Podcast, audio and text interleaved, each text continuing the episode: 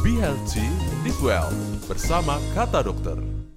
Be Healthy Live Well bersama kata dokter channel podcast Kasih Ibu Hospital. Kali ini yang bakal saya ajak ngobrol adalah dokter spesialis konservasi gigi, dokter gigi Dewa Made Sutajaya SPKG. Halo dokter, apa kabar? Halo. Terlihat sehat nih ya. Sehat-sehat semuanya di sini. Giginya juga aman ya dokter Iya, ya. emang ketutupan masker ya. Nah, oke.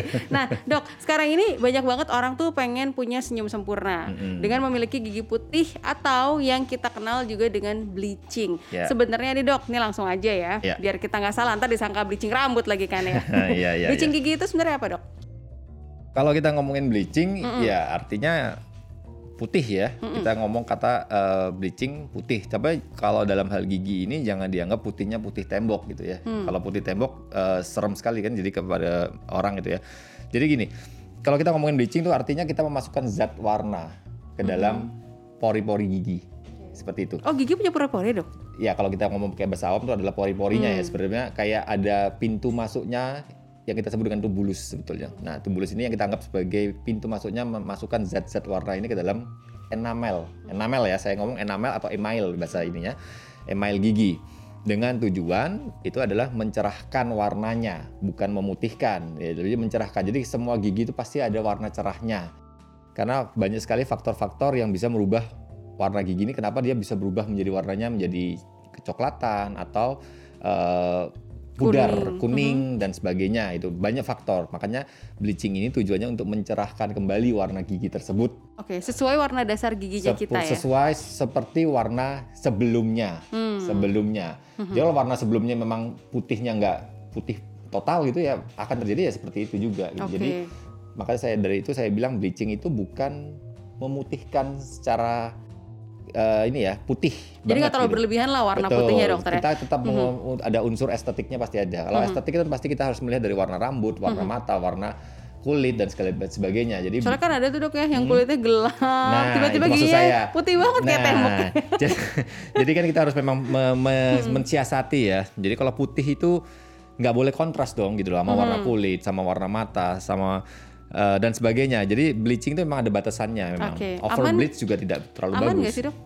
Kalau dibilang aman selama dalam protokol yang dipantau oleh dokter dan eh, tenaga medis mestinya aman dia sudah aman Mhm. gitu. Memang sudah banyak penelitian tentang bleaching memang mengatakan bahwa bleaching ini sebetulnya aman asal dilakukan dengan eh, ada ada protokolnya, ada ada panduannya. sebetulnya. prosedurnya gitu, Ada dokter, prosedurnya sebetulnya gitu. Nah, sekarang pertanyaannya, Hmm. kapan nih kita melakukan bleaching gigi? Oke, kita ngomongin kalau kapan kita ngomongin eh, kenapa kita mau bleaching itu kan kenapa. Jadi biasanya orang bleaching itu pasti kalau warnanya sudah merasa eh, kok warna gigiku redup ya, agak kehitaman ya. Kok warna gigi kalau senyum kok kuning ya. Nah, itu kita eh, kita harus banyak harus tahu dulu eh, faktor-faktor apa sih yang bisa bikin warna ini gigi ini berubah sebetulnya. Faktor-faktornya antara lain salah satunya adalah faktor usia pasti, ya kan? Kemudian faktor kebiasaan misalnya merokok, misalnya minum teh, minum kopi, itu juga pasti akan membuat warna gigi pun akan berubah, ya kan? Seiring dengan waktu. Nah, pada saat-saat seperti inilah kita memikirkan untuk mencerahkan kembali. Jadi, kalau ditanya kapan ya kita bisa kapan saja selama gigi kita ini tidak mela- tidak ada faktor kontraindikasinya. Artinya gigi kita ini tetap sehat untuk di bleaching. Jadi bleaching ini harus giginya sehat seperti itu. Tidak boleh gigi yang sedang sakit, misalnya giginya karies, ada bolongnya, atau gigi yang sangat sensitif, misalnya kena air dingin aja dia minum air dingin langsung linu, Linu gitu ya Nah, dok ya. Mhm. Itu kontraindikasi buat bleaching. Jadi kalau kapan bisa kapan saja, Mhm. gitu. Nah, sekarang kita masuk ke proses bleachingnya sendiri Ya. nih dok.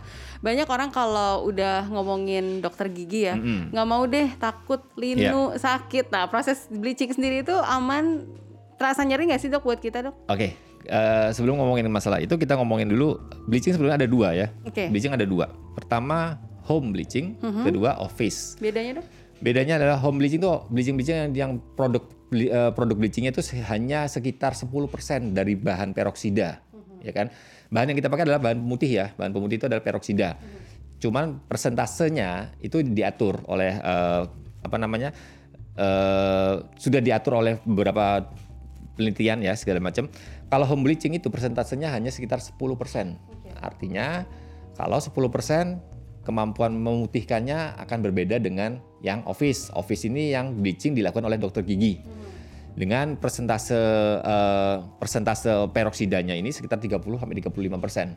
Jadi otomatis pasti akan lebih uh, apa ya putih gitu ya. Ya, akurat kal- lah hasilnya, Lebih akurat ya. betul. Hmm. Nah kalau ditanya sakit atau tidak, saya nggak ngomong kata sakit ya, saya ngomong kata linu. Aduh, Nah. langsung merinding nih. Saya nggak bisa.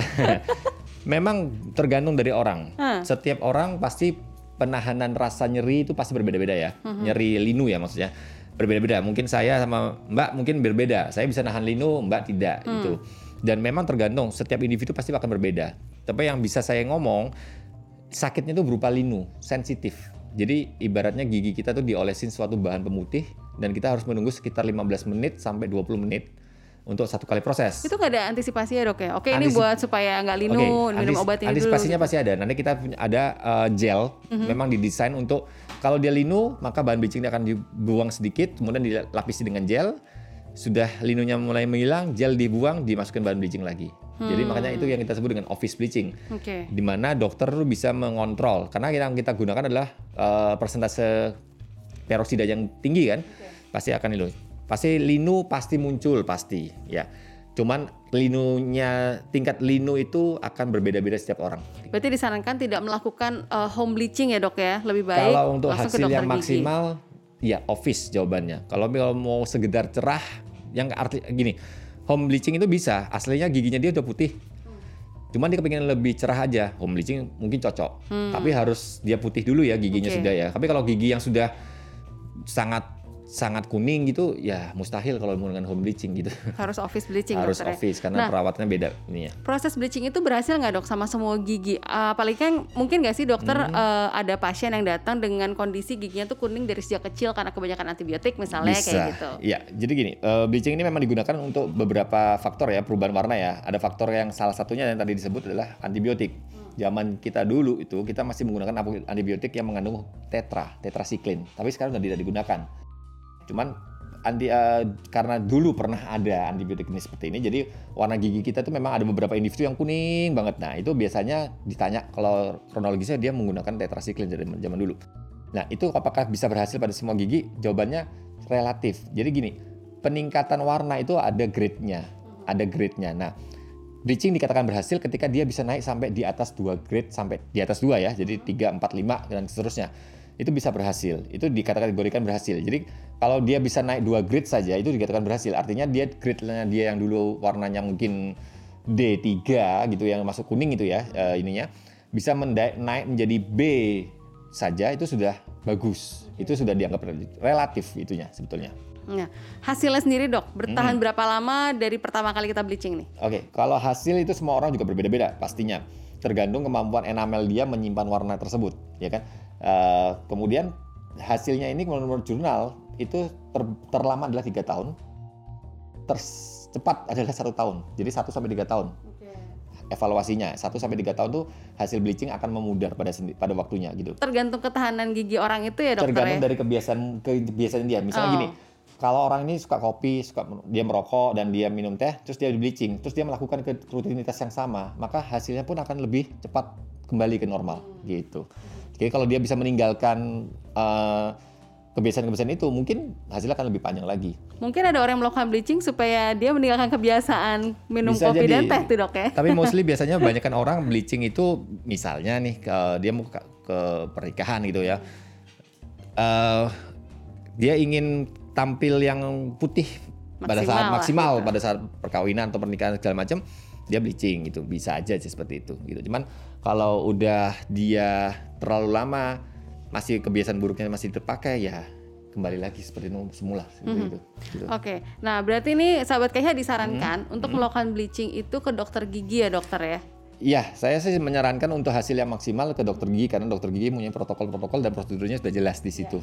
Ya. Oke, Gitu. nah buat sahabat KIH nih yang ingin melakukan bleaching gigi sama dokter Dewa, bisa kan dokter ya? Iya, saya melakukan. Bisa langsung datang ke Bel Dental dan Implant Center di Kasibu Hospital Ya. Denpasar dan Sabe. Untuk prakteknya silakan dokter informasikan buat sahabat KIH. Ya. Saya praktek di eh, dental Bali Dental Implant Center di Sabe, Gianyar gitu ya. Jam praktek saya semuanya sesuai dengan perjanjian. Karena saya hanya bekerja dengan sistem appointment begitu.